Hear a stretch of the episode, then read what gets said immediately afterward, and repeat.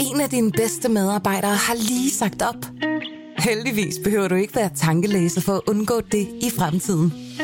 WinningTemp indsamler data gennem hyppige og anonyme medarbejderundersøgelser, så du lettere kan mærke pulsen på dine medarbejdere og støtte der, hvor der er behov. Kunder som Alfa Laval, Orkla og Volvo bruger allerede WinningTemp og ser, at det øger trivsel, reducerer turnover og hjælper med at fastholde talenter. Få gratis gennemgang allerede i dag på winningtemp.com.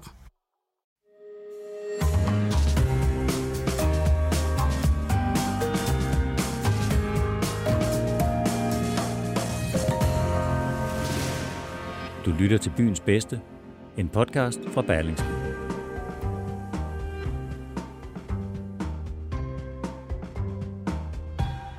Avisernes kriminalsider har været fyldt med rockerkonflikter i årtier. Prominente rockerprofiler udgiver selvbiografier i et væk. Og så sent som i 2018 gik den fornemme kavlingpris til journalisterne Camilla Stockmann og Janus Køster Rasmussen for deres dokumentariske bog om Danmarks første rockerkrig. Og interessen for den lovløse underverden lader ikke til at være dalende. Netop nu er forfatter og journalist Carsten Norton aktuel med første bind i det allerede anmelderoste værk Engle dør aldrig, Hells Angels i Danmark. En gennemgang af rockergruppen Hells Angels danske historie fra 1957 til 1997. Bogen er blevet til på baggrund af adskillige bøger, hundredvis af avisartikler og ikke mindst politiets efterforskning. Politirapporter, afhøringer, rensagninger, tekniske analyser, retsdokumenter, billeder fra gerningssteder, obduktioner og aflytninger. Med andre ord er det den samlede danske fortælling om verdens mest kendte rockergruppe Hells Angels. Men kan man overhovedet fortælle hele historien om danske rockere? Og bør man?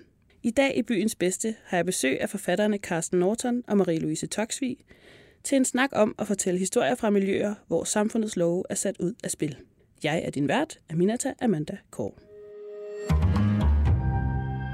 Carsten Norton er forfatter og journalist og har arbejdet på Ekstrabladets kriminalredaktion over en længere årrække.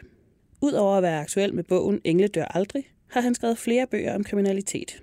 Herunder bogen Bad Standing om en højtstående rockerpræsident. Carsten Norton, velkommen til. Hvornår fik du rockere på hjernen? Jeg ved ikke, om man kan sige, at jeg har fået øh, rocker på hjernen på noget tidspunkt, men jeg har beskæftiget mig med kriminaljournalistik i mange år, og der kan man sige, der løber rocker klubberne som en rød tråd igennem det hele. Så derfor så vil det være mærkeligt, hvis ikke det var noget, der fangede ens opmærksomhed, når nu man beskæftiger sig med det her på et eller andet tidspunkt. Øhm, hvad, hvad gør, at det er nu, vi skal høre historien om Hells Angels?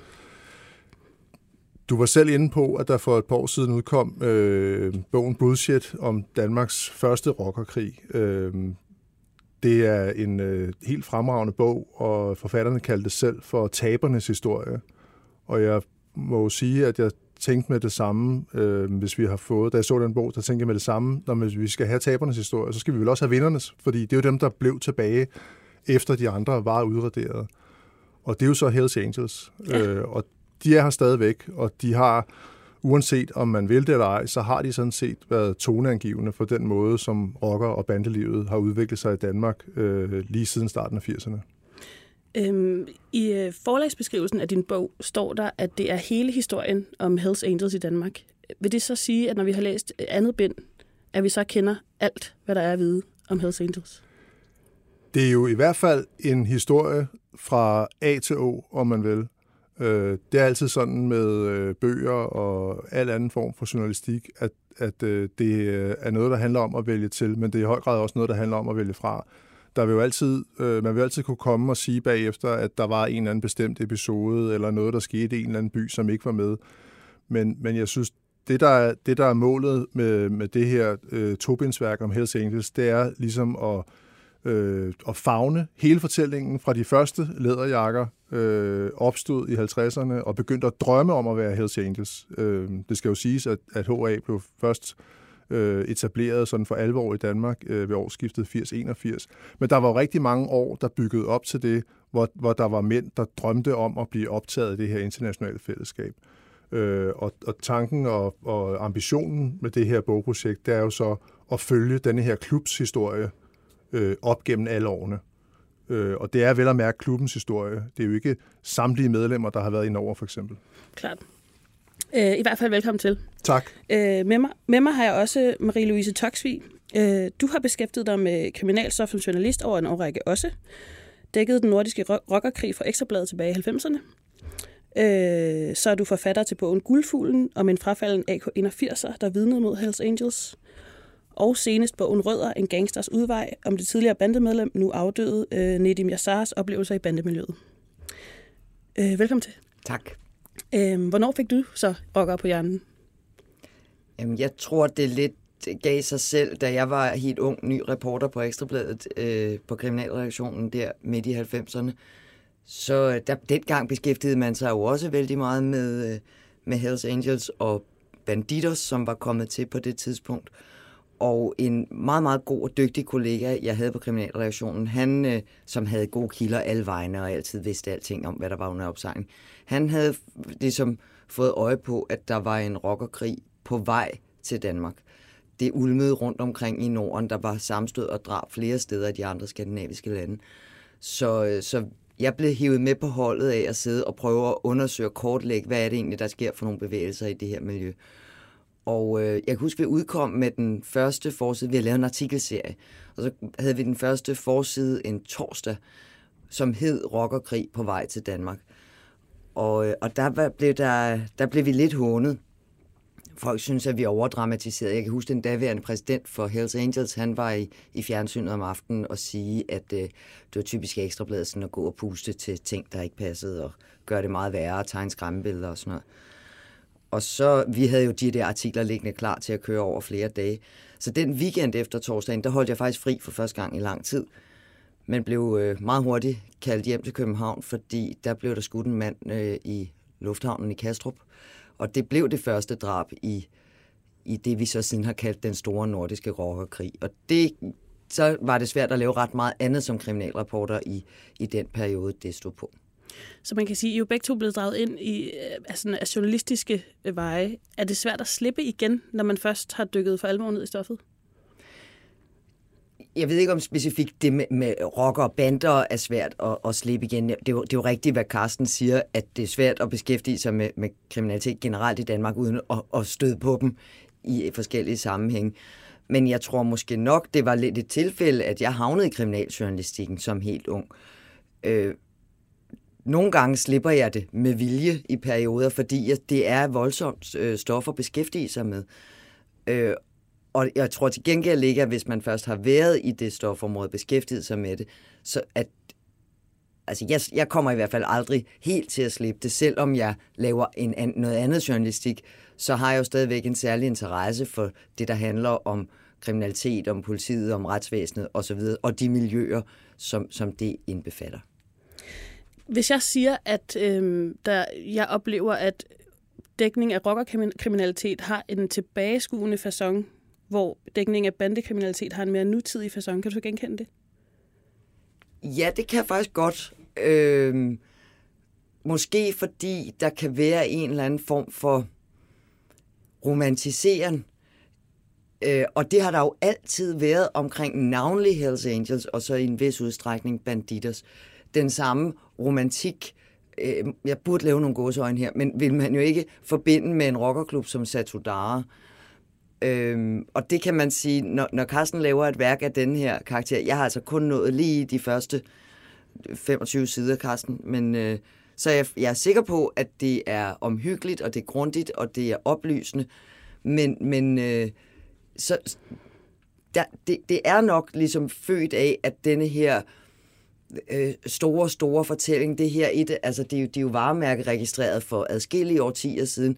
Det er jo en international øh, savnombrust organisation, som selvfølgelig tiltrækker sig opmærksomhed. Er det det, der gør det romantisk? Nej, men, men det, er sådan, det var de første, og det var i de gamle dage, og sådan noget, tror jeg, tror jeg måske det er. Jeg, jeg står lidt og gætter, for jeg ved det ikke. Nej. Jeg ved ikke, om man kan sige, altså bandemiljøet, som vi kender det i dag, er jo, øh, det, det er jo ikke på samme måde genkendeligt identificerbart som rockerklubberne. For det første, fordi de er nyere, og for det andet, fordi det at uniformere sig og have den her meget strenge hierarkiske kultur, og i øvrigt til tider en meget effektiv PR-håndtering, som rockerklubberne jo har haft, øh, det, det, det kendetegner ikke på samme måde bandemiljøet. Lige før vi... Øh, øh, lige før øh, rockerkrigen der i 90'erne ramte Danmark, der havde der ganske kort forinden havde der været en stor udstilling i Albertslund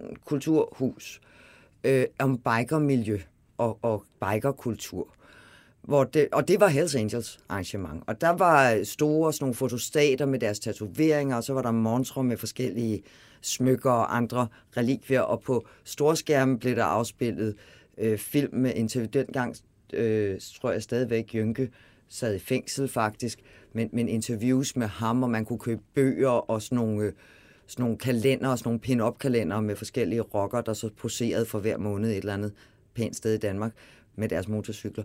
Øhm, så, så Hells Angels har, har altid været gode til den her blanding af, at de har deres kriminelle forretninger, og så, og så at kunne tegne et billede af sig selv udad til, som, som noget andet, noget der er glamorøst eller spændende. Og de, altså i USA har de også toy runs, hvor de, eller det hedder de i hvert fald, hvor de kørte rundt og indsamlede øh, legetøj og bamser til, til syge børn på hospitaler og sådan noget. Altså den der PR-maskine, som er med til at romantisere, kører jo altid sideløbende med resten af organisationen.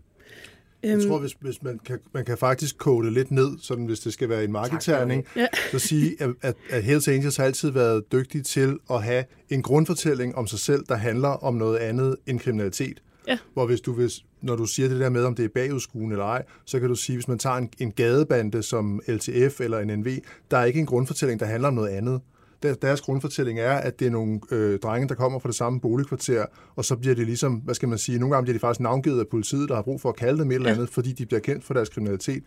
Der har rockerne været dygtige til at sige, jamen vores grundfortælling, den handler om, at vi er bare nogle drenge, der godt kan lide at køre på store motorcykler. Og vi har nogle, nogle æresbegreber og nogle Præcis. normer og noget, vi holder højtidligt, og strenge regler for, hvem vi vil have med, og sådan noget. Ikke? Men helt i starten af din bog, der kommer du faktisk lidt ind på, at, øh, at, at rockergrupperingerne har været nødt til at forholde sig til, at de her bander er kommet til. Øh, meget kort, fordi det jo så går ud fra, at måske mere en bind to, to ting. Men vil du sætte en smule ord på, hvad du mener med det? Øh, jamen, man kan sige, at, at, altså, at, at denne her bog, som, som stopper i 1997, øh, den, øh, den foregår på et tidspunkt, hvor Hells Angels hele tiden er nødt til at forholde sig til en anden gruppering. Til at mm. starte med er det det, der bliver til Bullshit. Kort efter er det det, der bliver til Banditos, som de så er i krig med. Øhm, og den fredsaftale, de så ender med at indgå med Banditos i 1997, den, øh, de kalder det jo selv en samarbejdsaftale, fordi de har aldrig været i krig, siger de på daværende tidspunkt. Øhm, den går ud på, at der må kun være to rygmærker i Danmark, og det er, det er HA's, og det er Banditers. Øhm, den aftale, den kommer sådan set til at holde sig nogenlunde i hvert fald øh, frem til 2013, hvor den næste, øh, den tredje store rygmærklub, Sasudara, kommer til Danmark. Øh, så man kan sige, at alene det, at Sasudara etablerede sig i Danmark, øh, og var sådan lidt sådan en slags fusionsstørrelse, øh, der lå et sted mellem rockerklub og bande, den gjorde, at, at, at denne her aftale, den blev på sin vis revet over. Den blev i hvert fald øh, sat, i, sat, stillet i baggrunden og sat ud af kraft. Øh, og den gjorde også, at man så sidenhen har kunne konstatere, at, at de gamle rockerklubber, de har tålt en vækst af andre grupper. Så på den måde er de nødt til at forholde sig til dem. Øh, og hvis vi så skal tage det skridt videre, så vil jeg også sige, at det er også en pointe i bogen, at de andre grupper har egentlig også langt hen ad vejen kopieret HA. Altså de har, de har taget deres regelsæt, deres organisation, deres æresbegreber, ikke så meget den der grundfortælling, som jeg var inde på før med, at vi bare er nogle gutter, der godt kan lide at køre på Harley Davidson, men alle de andre ting, dem har de sådan set kopieret øh, og, og brugt til at organisere sig efter. Og det er klart, det er man jo så nødt til at forholde sig til at sige, hvor, når nu der er nogen, der gør næsten det samme som os, er de så, er de så lige så gode til det, eller, eller hvad? Og, og det tror jeg i virkeligheden måske også er en af grundene til den der interesse for, for rocker, de gamle internationale rockerklubber, fordi man kan sige, jeg har ikke nødvendigvis haft en specifik interesse i rockerklubber.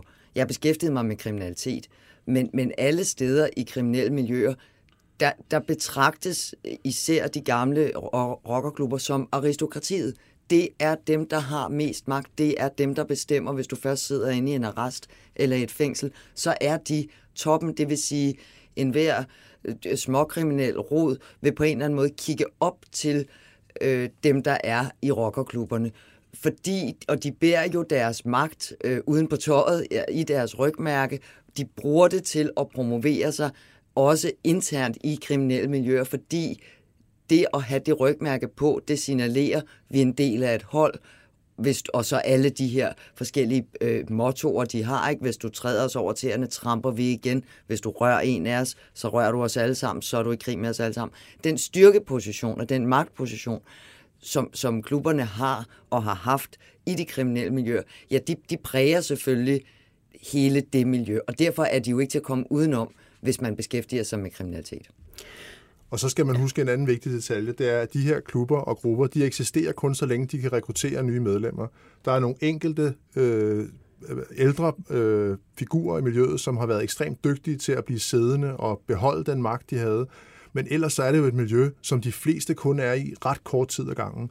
De fleste rocker- og bandemedlemmer, de er, er, kommer ind i det her miljø, øh, når de er helt unge, og de ryger som regel ud igen, altså af, af egen øh, vilje eller, eller nogen andres øh, øh, når de er et stykke op i 20'erne. Typisk så er det fordi, de finder ud af, at de hellere vil noget andet med deres liv. De har måske fået en kæreste og vil gerne have nogle børn eller, eller lignende. Øh, så det vil sige, at miljøerne er afhængige af at kunne rekruttere, og derfor er det også vigtigt for dem, hvis de vil bevare deres positioner og være det, man sådan lidt populært kan kalde førstevælger i den kriminelle skolegård. Ja, man skulle lige til at spørge, kan man kalde det en, et kriminelt nulsumsspil?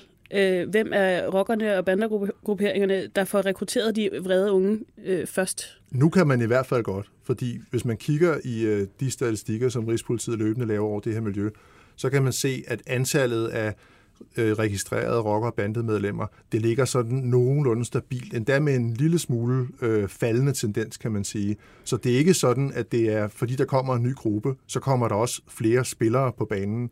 Øh, det, det er, som du siger, ja, en slags nulsumspil, hvor der er dem, der nu er, og så bekender de sig til det, der nu, øh, der nu engang er. Er uh, Hells Angels så stadig førstevælgerne? Øhm, det tror jeg er utroligt svært at svare på. De er i hvert fald en uh, helt klar faktor i det her spil. Der er nogen, der finder jeres, øh, eller finder krimi, kriminalgenren lidt kontroversiel. Øhm, vi snakkede før om de her øh, romantiske billeder. Kan man med journalistisk dækning og med nogle af de her bøger komme til at skabe profiler ud af navngivende øh, kriminelle? det er jo en, en gammel, gammel diskussion, vi, øh, om vi glamoriserer miljøet, om vi øh, romantiserer det, når vi laver den, den professionelle journalistiske dækning. Og i den bog, du nævnte i indledningen, øh, jeg skrev for, for en del år siden, der hedder Guldfuglen, den, den handler om en ung fyr, som, som blev øh, suget ind i miljøet. Han var god til at slås, så blev han samlet op af AK-81, var med i begyndelsen af det og nåede til at være altså, nederste trin af, af prøvemedlemsstigen til Hells Angels. Øhm, han, jeg, jeg talte meget med ham om det. Når, når, vi, når man på forsiden af, af en avis skriver iskolde mordere, så vil man jo i majoritetssamfundet synes, at det er jo ikke noget pænt at sige om nogen. Men inde i det her miljø, der synes man, at det er herresejt, at det, oh, de kalder os iskolde mordere. Altså, der i det miljø, der er det at være ligeglad og være iskold og sådan det er jo, det er jo komplimenter, det er gode ting at være. Så, så jeg tror ikke på, at man kan indrette sin journalistik efter, hvordan nogen ville kunne vælge at bruge. Det gælder jo på en række stofområder. Vi skriver jo ikke nødvendigvis til, altså for, for at tilfredsstille eller begejstre lige præcis de her kriminelle typer, at nogle af dem så kan synes, det er sejt. Det, det kan der sagtens være. Så er det noget lidt andet. Vi, vi beskriver den kriminalitet, der begås. Det, det, det må jo være sigtet for os. Så er der rigtigt, der indimellem har været en tilbøjelighed til i, i, i aviserne, og især der også på bogmarkedet, at nogen ligesom opnår en eller anden status af, af kendisrocker, tror jeg, I på Ekstrabladet brugte om Brian Sandberg for eksempel. Ikke? Øhm, der synes jeg, det er vigtigt at holde fast i, at øh, at vi, vi skriver om verden, som den er. Vi beskæftiger os med kriminaliteten, personer osv., som det faktisk er, hverken mere eller mindre. Man kan sige, der er masser af steder i journalistikken, hvor det er nødvendigt at bruge en masse adjektiver for sådan at peppe det lidt op. Det vi beskæftiger os med, når vi arbejder med kriminalstoffet, det, det, er, det er rigeligt i sig selv. Det er dramatisk og voldsomt og frygteligt, øh, som det er. Man behøver hverken skrue op eller ned for det. Ja, jeg, jeg tænker bare for eksempel sådan en som øh, Jørgen Jynke, som jo har udgivet fjerde selvbiografi i år. Jeg Så det må tror, man jo at- tale om er en profil, ikke? Jo, men han har jo skrevet bøgerne selv. Jamen, det er rigtigt. Og om, jeg vil sige, hans første bog, Mit Liv, den, øh, den blev skrevet, mens han var på flugt, altså efter drabet på bullshit-præsidenten Makrel i 84. Nu kigger jeg på dig, Norton. Det var i 84. Yep. Så, så stikker han jo af og gemmer sig, og, øh, og er væk i mange år. Og mens han var væk, så skriver han så det her meget, meget, meget lange manuskript til forlaget Tiderne Skifter, øh, Øh, og får det sendt hjem håndskrevet. Og de redigerer, redigerer, redigerer og udgiver bogen, mens han er på flugt. Og det er stadigvæk øh, en vældig interessant bog at læse, fordi den for første gang tager os med ind i hovedet på de mennesker, som er inde i den her på det tidspunkt meget unge rockerklub, og selv fortæller historien om, hvordan det bliver til. Og jeg kan huske, da jeg læste den øh, kort efter den var udkommet første gang, og også undervejs i læsningen, når at blive øh, forført af, at så man sidst sidder "Nå, det var også fuldstændig rimeligt, at ham der, han lige skulle klapses, og ham der, han lige skulle have nogle bank. Hvor man tænker, hold da kæft, hvor er det en overbevisende fortælling om et miljø og nogle værdier, altså nogle, nogle, øh, nogle rettesnore, nogle moralbegreber, som de har, som jeg ret hurtigt godt kunne altså, tage afstand fra igen, men som jeg synes, det er fuldstændig afgørende vigtigt, at vi i resten af samfundet kender og forstår, fordi man kan ikke håndtere noget eller forholde sig til noget, som man helt grundlæggende ikke forstår. Det er jo røntgenbilleder ind i en verden. Og man må sige om Jynke, han har så, trods alt skrevet bøgerne selv. Han har også skrevet på børnebøger, så vidt jeg husker. Ja. Og senest en øh, dystopisk roman. Øhm, jeg kunne godt tænke mig at øh, lige dykke lidt ned i bogen her.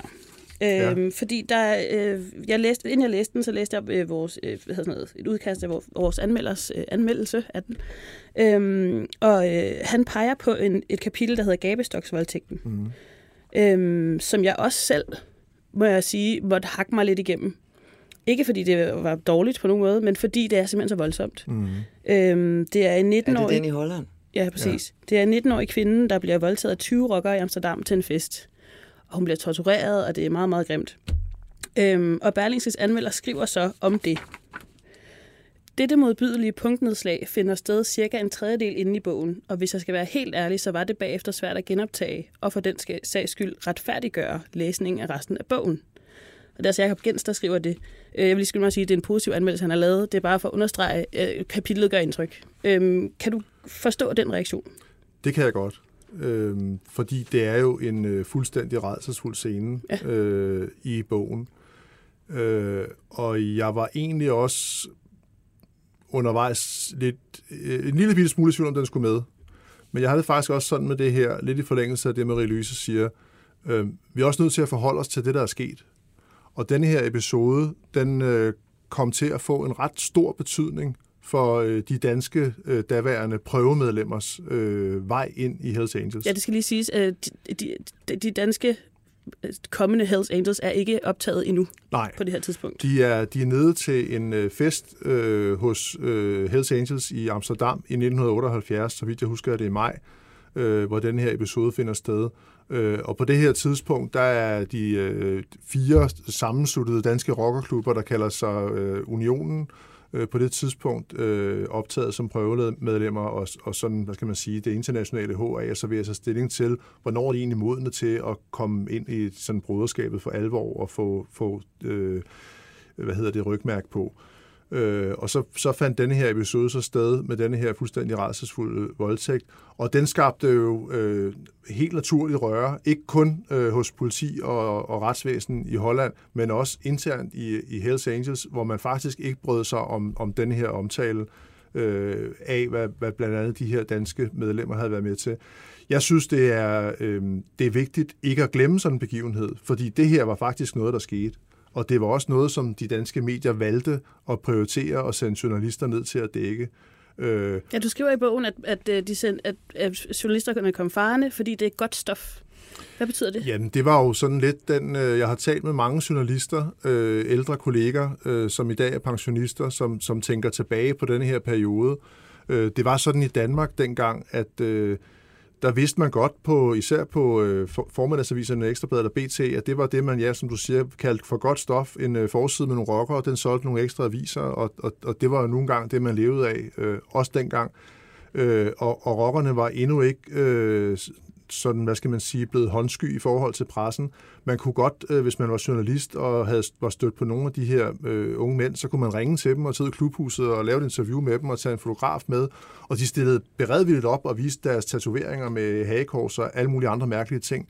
Øh, og så, så havde man sådan set øh, en ret god historie med hjem. Så kom den her, øh, så kom den her gabestok-voldtægt, og jeg tror ligesom også, det var en øjenåbner for, hvor voldsomt det egentlig var.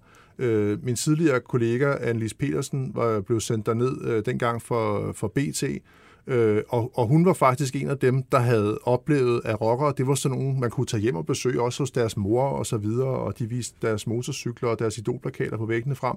Da hun kom til Holland, der blev hun mødt af alle de her journalister og fotografer, øh, der sagde til hende, du skal altså ikke tage ud til, til de der Hells Angels, de er fuldstændig livsfarlige, altså, du bliver slået ihjel, hvis du tager derud. Og hun var, øh, var og er en meget modig kvinde, så det, det gad hun ikke rigtig at, at høre på, så, så hun fandt en fotograf, der havde mod til at tage med og tog derud. Og så gennemgik hun jo så, det er jo så en, en del af beskrivelsen i bogen, så, så gik hun igennem det her hus derude, øh, hvor, som rockerne havde forladt, og hun tog så ind og fandt dem i Amsterdam, og det kan man så læse om i bogen, hvis man, ja. hvis man vil.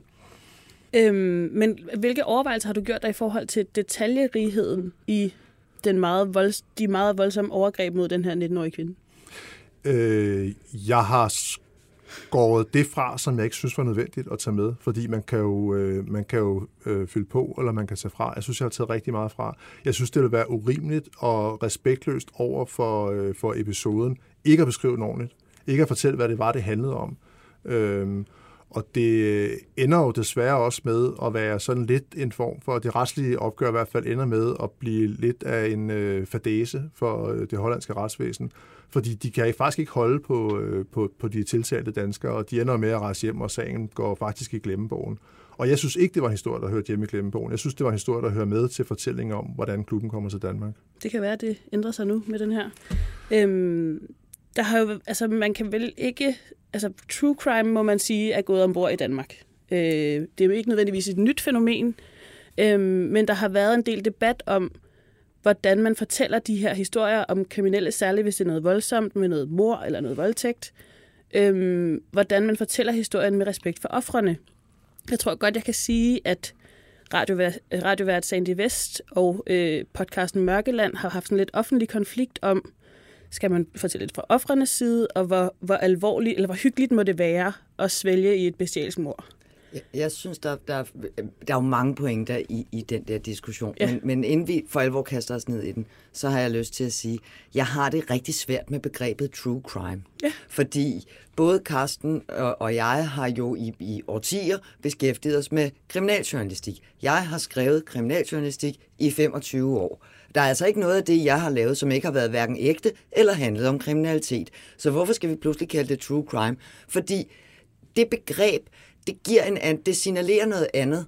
I første omgang, så tænker man måske i de der sådan store amerikanske dokumentarserier, afdækkende, falske tilståelser, den slags, som true crime. Men omvendt, så er der også nogen, der kalder biografier, dem jeg har skrevet for eksempel om Nedim Yassar og Martin Fryd, for true crime. Jeg vil hellere bare kalde det en, en biografi. Og så er det også som om, at der, hvis vi kalder det true crime, så gælder nogle andre regler. Altså, så, så, så er vi ude i en genre, hvor der ikke er de samme sådan helt fast forståelse af, hvordan arbejder vi. Fordi for journalistikken er der jo spilleregler. Der er nogle presseetiske regler, der er nogle medier, som er underlagt pressenævnet, og vi kriminalreporter Øh, følger jo også, så snart vi er retten, så er det retsplejelovens regler osv. osv. Der, er, der er alt muligt reguleret i, hvad gør man, hvad gør man ikke, hvad må man, hvad må man ikke. Og det er som om, at hvis vi kalder det true crime, så er det sådan lidt mere... Øh, så, så, så låner vi lidt af det. Det kan vi da godt. Men er det ikke bare et paraplybegreb? Jo, men for hvad? Fordi er det, når, det, er det, når vi blander fiktion og, og, øh, og, og virkelighed, eller er det, når vi fortæller virkeligheden med, med, fi, med fiktionens greb, det man som da jeg var helt ung kaldte faktion, mm. øh, eller hvad er det?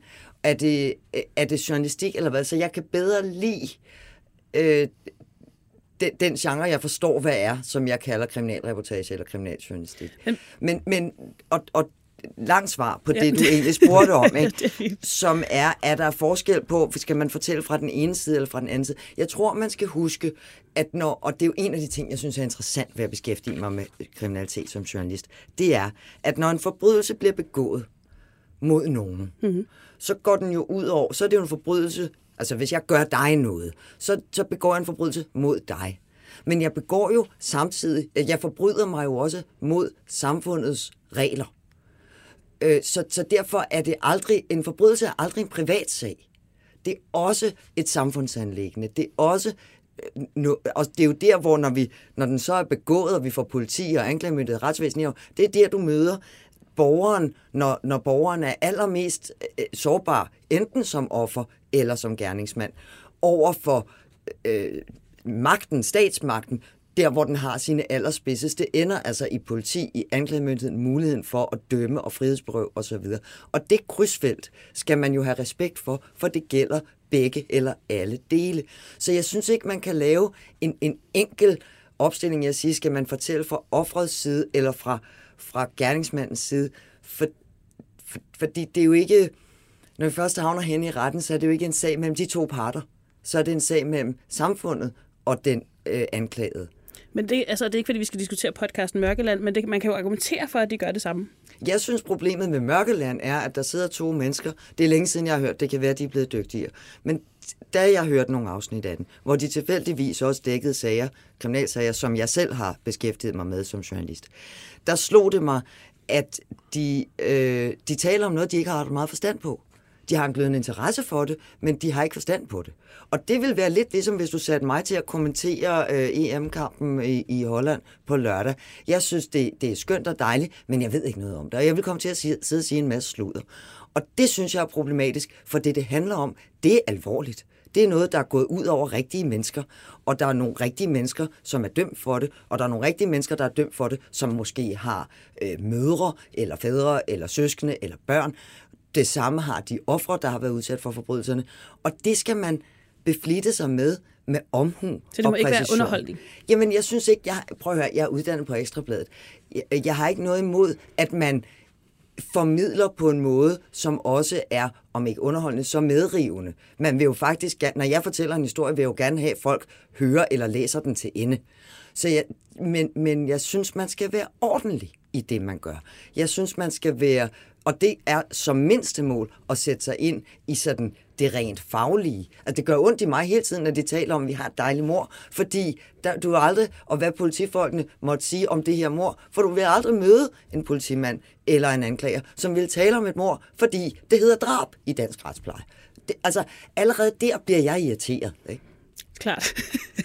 øh, tiden Og løber de kender simpelthen ikke afsted. forskel på sigtede og tiltalte og noget som helst. Så derfor, jeg synes, det er ukvalificeret, og jeg synes, det er mærkeligt at sidde og kokettere med sin egen uvidenhed, når man taler om noget, der er så alvorligt. Det synes jeg er mærkeligt. Øh, her til sidst, Carsten, bliver danskerne nogensinde trætte af at høre om rockere? Det tror jeg ikke. Nej. Det tror jeg er det korte svar. Fedt.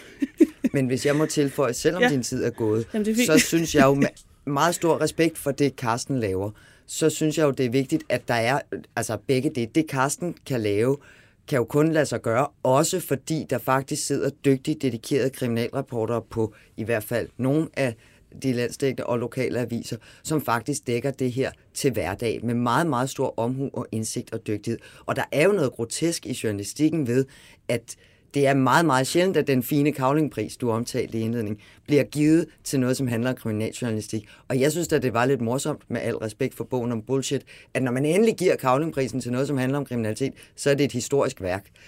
Øh, måske skulle man i højere grad hylde dem, der faktisk sidder og dækker det, der sker i vores samfund her og nu. Og så skal man selvfølgelig også læse både Carstens og alle de andre, og mine bøger. Det, lad det være det sidste ord. Øh, tusind tak, fordi I kom begge to. Selv tak. Det været en stor Tak fordi fornøjelse. I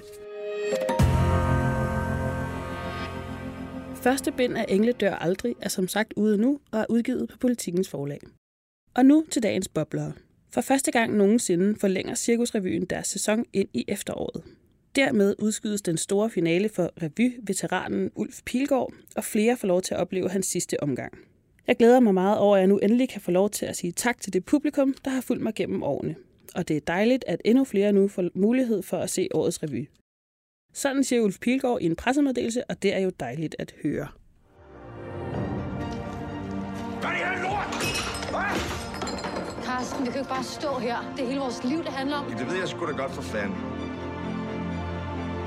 I denne uge er der premiere på maddramaet Smagen af sult med ingen ringere end Nikolaj Koster-Valdau og Katrine Greis Rosenthal i hovedrollerne. I filmen følger vi parret Karsten og Maggie, der kæmper for at få en Michelin-stjerne til deres restaurant Malus. En dag modtager Karsten et brev om, at hans kone elsker en anden. Filmen har premiere 24. juni. Næste gang du besøger Kunstmuseet Arken, begynder din oplevelse allerede ved Ishøj Station. Herfra er nemlig etableret Arken Walk. En 2,2 km lang gåtur fra Ishøj Station til museet. Turen byder blandt andet på skæve lygtepæle og frodige landskaber, og det er lavet i samarbejde med landskabsarkitekten Kirstine Jensen og billedkunstneren Jeppe Heim.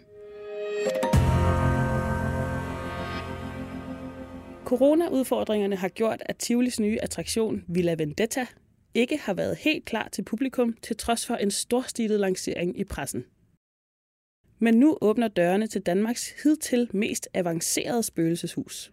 Berlingskes teateranmelder Jakob Sten Olsen har mærket oplevelsen på egen krop, og om den skriver han, Tivolis nye Scary House, Villa Vendetta, er først og fremmest en imponerende scenografisk helhedsoplevelse. Det var alt for denne gang. Tak fordi du lyttede til Byens Bedste. Mit navn er Aminata Amanda Kåre.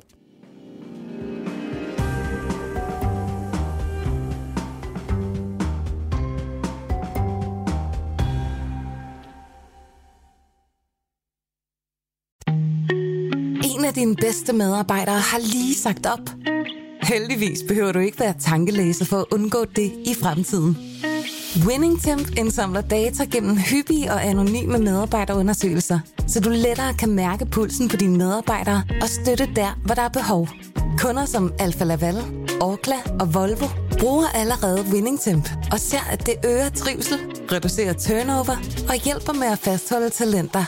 Få gratis gennemgang allerede i dag på winningtemp.com.